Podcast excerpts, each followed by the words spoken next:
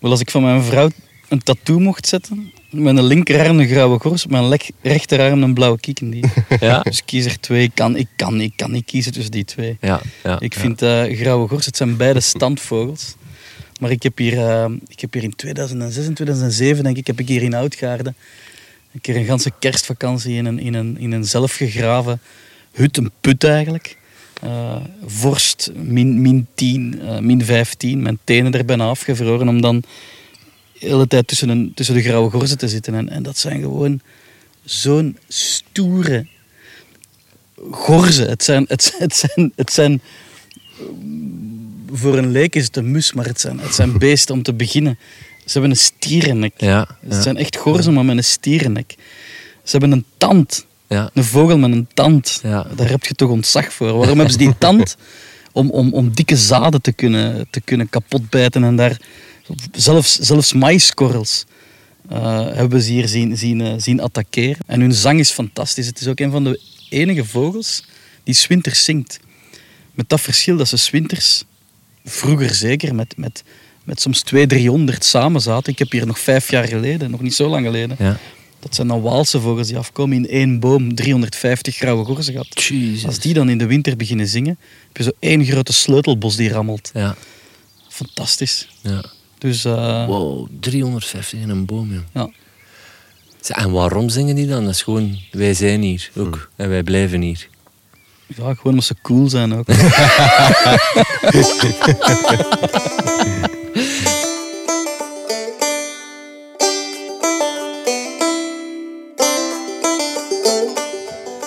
Dat was Freek Verdoemd, die zichzelf op Twitter Agriculture Policy Advisor noemt van uh, Natuurpunt.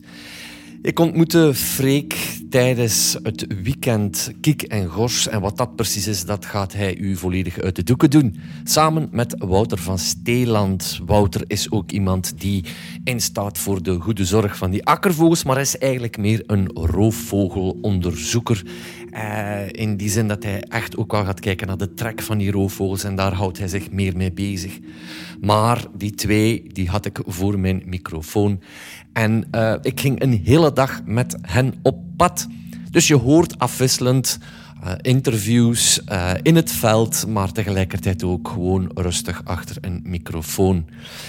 Dat weekendje Kik en Gors dat beviel mij dermate dat ik besloot om twee dagen te blijven in plaats van één. En de tweede dag mocht ik optrekken met onder andere Ben Cox. Wie dat, dat is, dat uh, doe ik straks ook even uit de doeken om dat spreekwoord dan nog maar eens voor de tweede of de derde keer te gebruiken.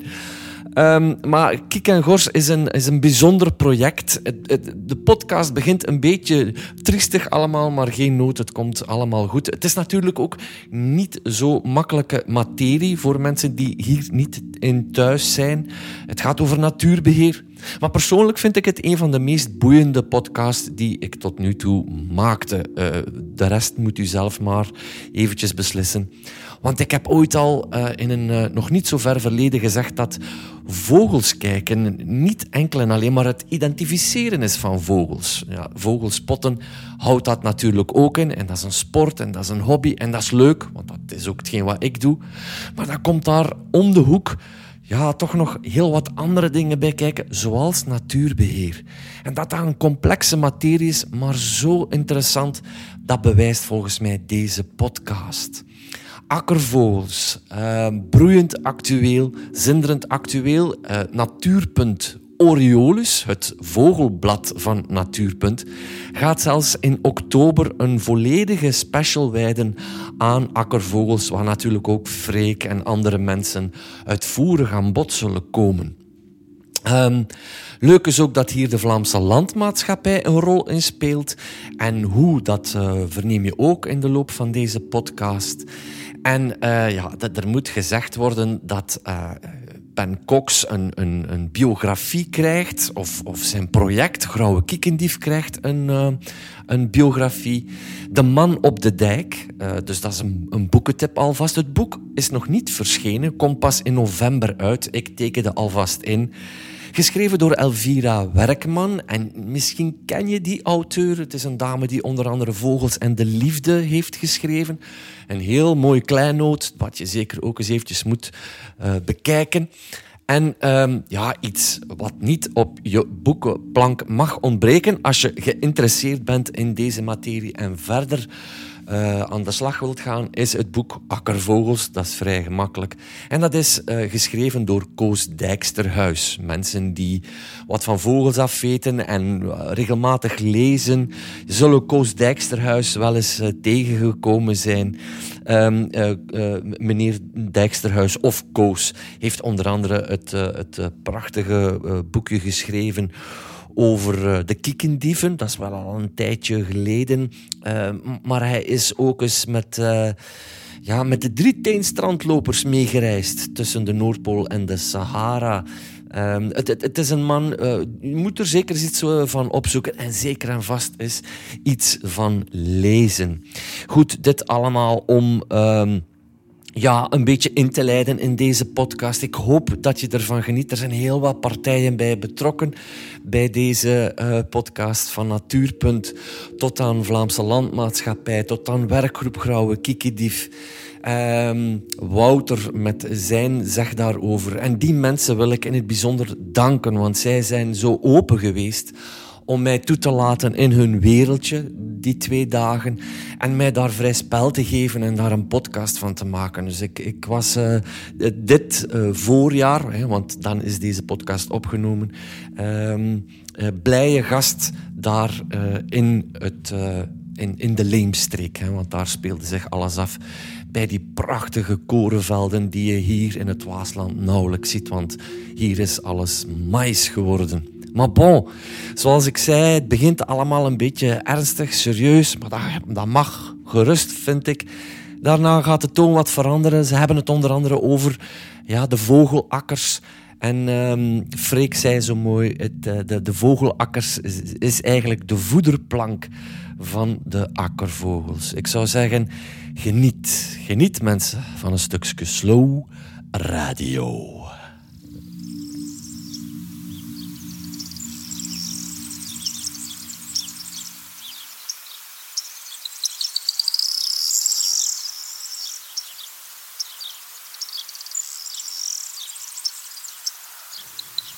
Wel, Kikengors is een activiteit van de werkgroep Grauwgors. De werkgroep Grauwgors dat is eigenlijk uh, een, een, een, klein clubje van, van begorste en bekiekte uh, fanatici. Die, uh, ja, die alles, alles draait rond die akkervogels. En ehm, op een bepaald moment kwamen wij tot besef dat als we hier de boel willen behappen, als we hier willen weten hoeveel gorzen er nog zijn, of er kieken die verbroeden, dan moeten we met iets, uh, met iets, uh, met iets sexier naar buiten komen. Dat we ook massas vrijwilligers kunnen uh, mobiliseren. En, en zo is Kiek en Gors ontstaan. Dat we dachten, we gaan gewoon een kamp doen. Knal in Aspengouw. En, en we gaan zien wie dat er komt. En, en om, om wat te doen precies? Om te zoeken naar de laatste broedende grauwe gorzen in Vlaanderen. En net over de taalgrens. en ook op zoek naar broedgevallen van kiekendieven. Uh, vooral bruine en blauwe kiekendieven die hier wel nog broeden in de regio. Maar we hopen natuurlijk ook op een grauwe kiekendief. Uh, waarvoor sinds uh, twee jaar een nieuw soort beschermingsprogramma is opgestart door de Vlaamse overheid. Um, waarbij men eigenlijk vogelakkers aanlegt in de hoop om grauwe kiekendieven terug te krijgen naar Vlaanderen als broedvogel. En het idee is als je met een 30, 40 mensen tegelijkertijd dat gebied hier intrekt, dat de kans dat je een broedende kiekendief kan vinden behoorlijk wat groter wordt dan als je er alleen voor staat en uh, eigenlijk op, uh, op goed geluk zeg maar, zo'n kiekendief moet, uh, moet treffen. Ja, dus nu focussen jullie heel erg op die grauwe gors en die kiekendief, maar akkervogels, welke soorten zitten daar nog tussen? Goh, je hebt hier de, de, gemeenschap van akkervogels die je hier hebt, is, is veldleverik, gele kwikstaart, patrijs, dan die kiekendieven. En met wat geluk in een aantal gebieden nog grauwgors. Ja, en daar gaat het eigenlijk al onmiddellijk over als je nog wat geluk hebt. Ik weet niet hoe dat het precies nu gesteld is met die grauwe gors. Ja, hoeveel zijn er gezien vandaag, Freek? Wel, voor vandaag heb ik er geen zicht op, maar eigenlijk, wel, eh, laat ons, laat ons als referentie eh, nemen naar 2003. Ik spreek dus niet over, over de, jaren, de jaren 70, 80, waar dat hij echt algemeen was en zelfs in heel Vlaanderen nog zat. Maar in, eh, in, in 2003 is hij naar aanleiding van de broedvogelatlas geteld. Had je nog een kleine populatie in de Westhoek. Mhm. Die was verdwenen nog voor de atlas verscheen. Ja.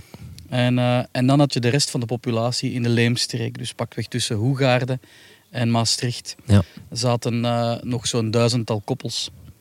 Ehm, in, in 2008 is er een nieuwe telling geweest. Mhm. eh, met vrijwilligers in Limburg en Vlaams-Brabant. En toen was de schatting 250 exemplaren. Ondertussen, al in 2016 zijn we dan begonnen met ze echt nog eens gebiedsdekkend te tellen, want we dachten het, het, het komt niet goed. En dan telden we nog maar 82. Vorig jaar 45. Dus we hadden een halveringstijd van één jaar. Ja. En, en wat je daar dan eigenlijk ziet, is een, is een populatie die aan het crashen is. Uh, liv- living deads, de vogels die je nog ziet, zijn eigenlijk oude vogels. Die wachten om dood te gaan, maar die gewoon geen jongen voortbrengen. En dat is het probleem. Het, het, het drama van de grauwe gors is dat hij een, een, een, luie, eh, een luie vogel is. Ehm, Jeremy Wilson, een, een Schotse prof, die, die, die wel wat onderzoek heeft gedaan aan grauwe gors, die, die vergeleek het met als je, een zang, als je hier nu een zangpost grauwe gors zou hebben, hier op deze plek. En, uh, en je zou in de winter zou hier een grote parking aanleggen. Uh, volgend voorjaar zit hem hier nog altijd te zingen. Dat is een, dat is een hele traditionele vogel. Bougeert niet graag. En uh, veldleeuwerik is net iets mobieler. En dat maakt grauwe gors kwetsbaar. Daarnaast, die grauwe gors heeft met dit biotoop, is dat eigenlijk als een biotoop van de laatste kans. Vroeger was dat een graslandbroeder. Ah ja, okay. um, en we zien eigenlijk op plaatsen waar het, als je in Spanje in de Extremaduras gaat, ja, dat, zit, dat zit daar bijna in een bos. Hè. Een van de moeilijkheden van grauwe gors is dat het een zuivere zaadeter is. En, en in, in, het voorjaar, dan noemen ze de Hungry Gap. Uh, als alle velden worden omgeplucht, heel dat plateau zit hier bruin dan. Akkers tot tegen de, tot tegen de beton geploegd. En dat, dat beest vindt gewoon geen eten. Ja. ja. En uh, dikwijls denk heel lang hebben we gedacht dat de, dat de, de, de moeilijkheid van akkervogels was de winter doorkomen. En dan zijn die wintervoedselveldjes ontstaan en zo. Maar die zijn ook om, die worden zelfs omgeploegd half maart. Wat een, eigenlijk een hungry gap, die, die is van half maart tot eind mei. Ik weet niet of je zelf een moestuin hebt. Ja. Wanneer heb jij geen eten in je moestuin? Ja, in die periode zeker. Ja, Ja. je hebt je broccolis en je kolen tot, en je spruiten en je De, veldsla de, de wintergroenten zijn dat eruit. tot maart. Daar niet uit paardenbloem dan... En dan-? En wel, dus uw, uw paardenbloemen, dat zijn de eerste zaden die beschikbaar zijn. Die beginnen in maart dat te is al heel groeien. snel, ja, dat klopt. Ja. En, eh, en ze zijn er, zel- zelfs die banale soorten zijn er niet meer. Ja, een geelgors die begint zo in het voorjaar, al, al vanaf, de, vanaf de eerste voorjaarszon komt, dan gaat die spinnetjes en zo beginnen zoeken. Maar grauwe gors, nee, zaden. Nee, nee, nee. Ja, aanpassen aan, aan gebied is nog iets anders, maar aanpassen aan voedsel is dan nog iets anders. Ik Ja. kan me voorstellen dat dat helemaal funest is, als dat moet gebeuren. Bij kievit zien we een beetje hetzelfde gebeuren. Een kievit is eigenlijk bij uitstek een weidevogel, maar hij trekt het niet meer in weidegebieden. En eh, wat zie je dan? Die trekt naar de akkers. Heel veel in maïsakkers nu in de stoppels. En dat is nu eigenlijk zijn meest optimale habitat. Maar ook daar kost het hem zijn kop, hè, want ze worden ondergeploegd. Ja. Ehm, hun, hun tweede legsels zijn veel te laat. Want eer dat daar de jongen uitkomen, staat de maïsveld toch en die beesten die, die, die, die lopen verloren. Dus, eh, dus dikwijls zien we eigenlijk een soort die van, van habitat verandert. Dat, dat is ook dikwijls het, het, het- het begin van het einde. Ehm, en dan is het eigenlijk jammer dat je moet ingrijpen in dat habitat. Beetje gelijk die bruine kieken die ook eh, van habitat veranderen. Nee, vroeger was eigenlijk een pure, een pure rietvogel. Moerasvogelen. En, en, en, en die kreken en zo, like bij jullie en, en in het Meetsland en al, die, die zijn versmalt. Die, de boeren ploegen tot in de kreek. Ze trekken ook het water wat naar beneden in de polder voor de landbouwer, waardoor dat die kreken droogvallen Ja. en minder optimaal zijn. Ja. En, en, en nu ook als ze toekomen van Afrika hebben ze eigenlijk, wat is dat, nou, begin april, hebben ze twee habitats waarin dat ze kunnen broeden, eh, dat riet, maar ook het gras dat ze kweken, het maaigras. Dat staat net hoog genoeg. Dus die komen toe en een deel beginnen in dat maaigras. Ja, En, en dat wordt al geoogst voor, voordat, ja, voordat zelfs de eieren uitgekomen zijn. Dan doen ze vaak een tweede poging. En die tweede poging is vaak in tarwe of in herfst. Waar dat ze zeer veilig zitten wel voor predatoren. Maar uiteindelijk wordt ook weer eh, de tarwe in de herfst geoogst voordat de jongen eruit zijn. Dus dan moet alweer de nest zitten zoeken. Contact met de landbouwer maken, de nest beschermen. Dus op die manier overleeft de nest wel, maar dat is geen, ja, ja, ja. dat is geen ideale situatie. nee, nee, nee, nee, nee, nee. Eigenlijk zitten ze best van al in riet, waar ze gewoon een Ja. goed rietveld, waar, ze, waar er niets geoogst wordt en waar ze safe Ja. zitten tot de jongen uitkomen. Dus er belanden heel veel kiekendieven gewoon in de in jonge beesten in de, maai, eh, in de maaibalk. En soms zelfs vrouwtjes die te hard broeden, die er niet op tijd af zijn, want die, ja, die grote machines, dat, dat, dat gaat al vooruit hè, nu. Dat, dat is aan een enorm tempo dat die daarover gaan en oogsten aan die beesten die op tijd weg zijn Ja, durft het vrouwtje ook in de maaibalk te belanden. Dus dat is allemaal niet zo... Ja, of kruipen ze. Jongen bijvoorbeeld, die al redelijk groot zijn. Die eigenlijk zouden kunnen, die je zou kunnen verplaatsen. Die kruipen in, eh, die hebben een reflex, een verdedigingsreflex. Ja. Het enige wat dat, waar dat die mee kunnen pijn doen, dat is met hun klauwen. Zoals een jonge vogel kan al stevig. Die gaan op hun rug liggen met de klauwen naar omhoog. ah, ja op de rug. En zo zijn er al nesten grauwe kiek gevonden waar, dat, eh, waar dat je dus echt, echt jongen had die nog leefden, maar waar dat de poten van waren eh, af, afgemaaid. Shit, joh, shit. Ja, die kiekendieven zijn vogels die, eh, die zeer veel zorg nodig hebben. Hè. Maar gebrek aan voedsel, dat was er dus vroeger niet. Kun je een beetje duiden op wat er gebeurd is? Ja, het gaat ehm, enerzijds ja, die, die, dus die, die, die vuile hoekjes en kantjes, de, de, de bermen, de Ja. ehm, kleine landschapselementen die grotendeels verdwenen zijn uit het landschap. Eh, waardoor dat er dus ook nog maar weinig eh, zaaddragende planten en dergelijke te vinden zijn. We zijn er vrij zeker van dat grauwe gors afziet van, eh, van, van, van pesticiden. Eh, want bijvoorbeeld een, een, een grauwe gors nu... Grauwe gors eet, in tegenstelling tot geelgors bijvoorbeeld, eet grauwe gors gans het jaar door zaden. Ja. Ehm, zaden die hij vroeger overal op wegbermen vond, pisbloemen en zo. Eh overhoekjes. En, en in, in, in, in het broedseizoen gaat, gaat hij dan bijvoorbeeld, ja, hoe noemen ze dat? Eh, melk. Dat is zo de zo tarwe nu, dat is zo van die. Ja, als je daarop duwt, daar dat, zit er zo wat melk dat is zo wat melkachtig. Hij eet daarvan en hij geeft aan zijn jongen geeft hij insecten. Maar de, de, de dosis pesticiden dat hij daarmee binnenkrijgt, we hebben daar geen idee van wat effect is op, op hemzelf en op de jongen. Hetzelfde we die bieten. Eh, als wij vijf jaar geleden zagen wij dus een grauwe gors die zijn jongen voor, voor 95, 90 procent met rupsen van gamma heeft gevoed. Rupsen die hij, al- die hij ging halen op de bieten. Eh, dus rupsen die daar, die daar ontwikkelden, die daar ook eh, aten. Ja? Maar bieten, die krijgen, als ze gezaaid worden, krijgen een neonicotinoïde coating rond zich. En dat is een, systeem, een systeempesticide. Dus dat wil zeggen, dat trekt in heel die plant. En alles wat van die plant eet, eh, dat is zo, het is een nic- nicotinoïde. Dat tast het, het, het zenuwstelsel aan. Dus die rupsen, die waren eigenlijk sowieso al doomed. Ja. Maar die, gaan wel al, die, die worden allemaal opgegeten door die jongen. En wij vragen ons af, wat is het effect Het zijn op die jongen dan? die, die neonicotinoïden die de bij eh, volledig eh, ja, radeloos maken, letterlijk. Ja, ze, dat politiek debat gaat er rond erbij, maar eigenlijk gaat het rond alle insecten Ja, die die, die, die, die neonicotinoïden in zich krijgen, ook wilde bestuivers. En dus evengoed die rupsen ja, van die gamma-uil. Het zijn die, die bietenboeren die zeggen van wij kunnen niet zonder. Waarom is dat? Waarom zeggen die we kunnen niet zonder? Wel, het is, voor hen is het hyper efficiënt om, om gewoon met een coating, met zaad dat gecoat is, een, een, een jaar rond insectenbestrijding te doen. Als je dat niet kan doen, zeggen zij, moeten wij drie, vier keer per jaar gaan spuiten. En moeten wij spuiten tegen dat beest en spuiten tegen dat beest. En dat is hun argument. En, en bij andere gewassen is dat dan niet? Bij andere gewassen... eh, ik, ik, wel, de reden waarom het bij bieten eigenlijk zo vlot geclaimd wordt, want er zijn al een aantal Ja. gewassen Ja. waar neonicotinoïden gewoon verboden zijn. Ja. Bijvoorbeeld voor granen en zo.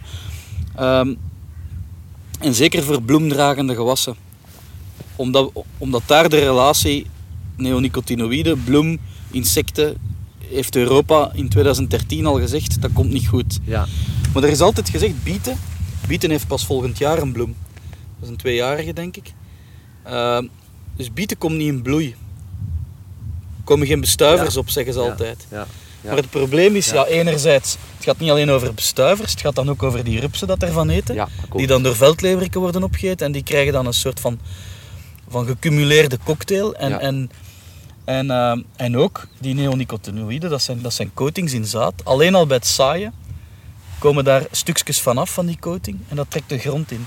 En uw grond raakt gewoon... Die, neonic, die neonics die, die zitten in uw grond. Als hier volgend jaar een gewas wordt gezet, ik zeg maar iets erwten of patatten en die komen in bloei, ja, dan zit, dan Dan zit die, dat er dan zit dat er ook in. Hè? Dat zit er al in. Ja. Dus, eh, dus men is daar net iets te kortzichtig in. En vooral in 2013 heeft Europa een serieuze waarschuwing gegeven door te zeggen: mannen, we gaan daarmee stoppen, begin al maar uit te zoeken. En, en, en de Bayers en Syngentas onder, eh, in, in, in deze wereld, die, hebben, die zijn gewoon vooral blijven lobbyen om het verder te kunnen gebruiken. En nu, plots, wanneer was dat? Een maand geleden, beslist, dat was een heel, een heel nipte stemming, eh, besli- beslist men in Europa van eh, ja, we gaan ze toch uitfaseren. En het kot was te klein. Ehm, en we zijn daar nog niet klaar voor en dit en dat. En, en, En Be- België onthoudt zich dan nog. eh, België, dat was, dat was een hele nipte. Wij hadden vernomen dat België ging tegenstemmen. Dus die wouden de ban niet. Eh, dan is er toch wel nog, nog stevig gelobbyd geweest die week ervoor, waardoor dat België zijn vel en zijn reputatie wat heeft proberen te redden door zich te onthouden. Maar ze zat daarbij wel bij een, bij een kamp van, van, ja, van eigenlijk eh, landen die, die, die het liefst wouden verder doen zoals ze bezig waren. Met dan een soort van verhaal van ja, we moeten ons klaarmaken en we hebben nog uitstel nodig. En de vrijdag is, eh, is de ban uitgesproken op Neonix. En eh, diezelfde dag heeft, heeft eh, federaal landbouwminister Ducarme al gezegd ja, wij gaan, wij gaan een uitzondering vragen. Wij gaan een ontheffing vragen. Om nog een ander licht te laten schijnen op deze zaak, eh, ontmoette ik Ben Cox, die dat weekend daar aanwezig was. Ik heb eigenlijk een hele dag met Ben opgetrokken, maar toen niks opgenomen, omdat eh, ja, het was A, veel te interessant om allemaal die informatie te horen. En ik moest met Hanne van de Vlaamse Landmaatschappij eh, samen eh, grauwe gorzen tellen en goed uitkijken wat dat we deden die dag. En, maar ik slaagde er wel in om Ben een aantal vragen te stellen. En wie is Ben? Wel, Ben is de man achter de werkgroep Grauwe Kiekedief uit Groningen in Nederland. En die werkgroep is gestart in de jaren 90 bij de grote braaklegging. En dat was eh, de tijd van de boterbergen en de melkplassen. En Europa zei toen, kom, eh, laat ons gesubsidieerd braakleggen. We produceren te veel en daarom gaan we dat doen. En Ben eh, vond toen daar, bij die braaklegging, de eerste broedende grauwe kiekendief. Eh, plots waren er veel muizen en dat zal waarschijnlijk een van de redenen geweest zijn. En toen is die werking gestart. Ze hebben nu ongeveer 45 koppels grauwe kiekendieven, maar ook een solide groep vrijwilligers. En zelfs sommige boeren zijn gewoon meegestapt in het verhaal. En ik wil toch ook eventjes die stem laten horen van Ben wat betreft de boeren. Ehm, want bij de boeren is het ook niet zomaar evident om over te schakelen naar een totale andere landbouw. Ook al is Ben natuurlijk de eerste die de kaart trekt van de natuur. Maar wat, wat, wat, wat scheelt er nu aan eh, met- die boeren? En dat kleine uitlegje krijg je nu van Ben te horen. Ik denk, ik denk gewoon dat, eh, dat eh, de landbouw is zo losgezongen van, van dit stukje grond. Dat ze eigenlijk niet meer, ze noemen wat. Dus het is, ze zijn onderdeel van een, van, een, van een heel groot eh, economisch systeem waar te weinig marge is om nog persoonlijk invulling te geven aan de landbouw. Ik bedoel, die aardappels die worden al voor de komende vier jaar worden ze geteeld. Maar tegen een bodemprijs. Ja. En de kwaliteit die men levert kan je alleen maar be- maar behalen als je chemie gebruikt. Ja. Dus die gewoon gevangen in het systeem. Ook de banken in Nederland zijn banken, grote banken, die, die geen lening verschaffen aan boeren die het anders willen doen. Die eigenlijk maatschappelijk eh, iets moois willen doen. Hè? Gewoon iets, iets prachtigs, hè? weet ik veel, natuur of zo. Minder, minder, eh, minder gif, noem maar even wat. Maar dat past niet in het model van de Rabobank. Ja, En dat is heel gek. Dus je gaat gewoon iets doen wat, wat maatschappelijk wenselijk is. Maar de beloning wordt eh achterwege gehaald. En dat vind ik heel, heel, heel, heel dubieus. Nou, kijk maar wat er gebeurt in Nederland. Elk jaar, elke dag stoppen er een paar boeren mee. Dus uiteindelijk, eh, de, de opvolging van boerenbedrijven is een probleem. Wie wil nou boerenzoon of dochter nog verder gaan met een bedrijf? Ja. Dan moet je meteen een lening hebben van 7, 8 miljoen.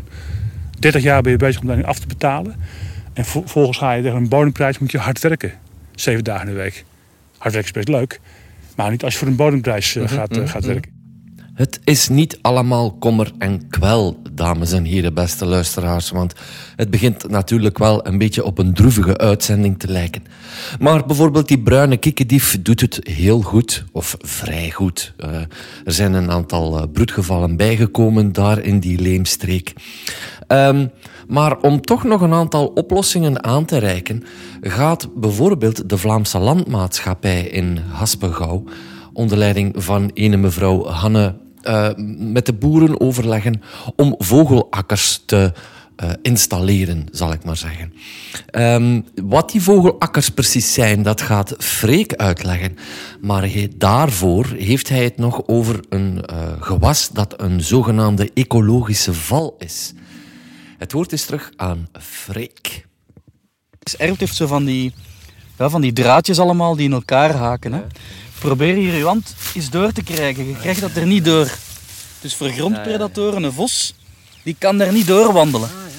Maar langs de andere kant, nu, nu is hem volgroeid, maar als die erft begint te groeien, is dat een ideaal gewas. Dus nu, nu is het dicht, hè, maar is dat een ideaal gewas om langs bovenin te gaan en terug uit te komen. Ah, dus dat is een heel veilig gewas om te broeden wat hem denkt. Want daarom noemen ze het een ecologische val. Het is een heel veilig gewas om te broeden, tot als, de piek, tot als, tot als het wordt geoogst natuurlijk. Dan staan ze nergens. En eh wij hebben eh, drie jaar geleden hebben we 80 percelen van ert gecontroleerd. En eh, een kwart van de grauwe gorzen die we hebben gevonden, zaten in de ert. En zijn dus per definitie foutu. Dus dat is, dat is wat ze noemen een ecologische val. Iets dat heel aantrekkelijk is, maar dan eigenlijk dan niet blijkt te zijn. Ja. Luzerne bijvoorbeeld heeft dezelfde eigenschappen als ert en is dus ook een heel aantrekkelijk gewas. Als, als een leeuwerik kan kiezen of een grauwe gors tussen luzerne of graan, zal hij vermoedelijk die luzerne kiezen. En als we dan die mogelijkheid hebben om met, om met, met, met plattelandsgeld, met Europees geld, veilige broedplaatsen aan te leggen op die plaatsen waarvan we weten dat er grauwe gorzen zitten, dan kunnen we ze daar eigenlijk Ja. bewust laten broeden. Ja. En, maar we zouden evengoed bijvoorbeeld in een grauwe gorzengebied, er zijn er nog maar vier in Vlaanderen, zouden we boeren ook een premie kunnen geven voor bepaalde teelten niet te zetten. Ja. En, en het, het geld dat ze daar dan eventueel mee verliezen, wordt dan gecompenseerd. Ja. Dus het is, ja, het, is, het is echt zoeken. Ja. En het is vooral zoeken om het binnen een landbouw van vandaag haalbaar te maken. Ja. Want je kunt niet terug naar de tijd van vroeger. Hè. Vogelakker, dat zijn... Ja, dat is dus... Dat is, in Nederland ontstaan. Dat, is, dat zijn stroken, luzerne. En stroken natuurbraak. Een grasmengsel met wat kruiden erbij. Daartussen. En de verhouding is ongeveer 70 à 60 procent luzerne, 30 à 40 procent natuurbraakstroken.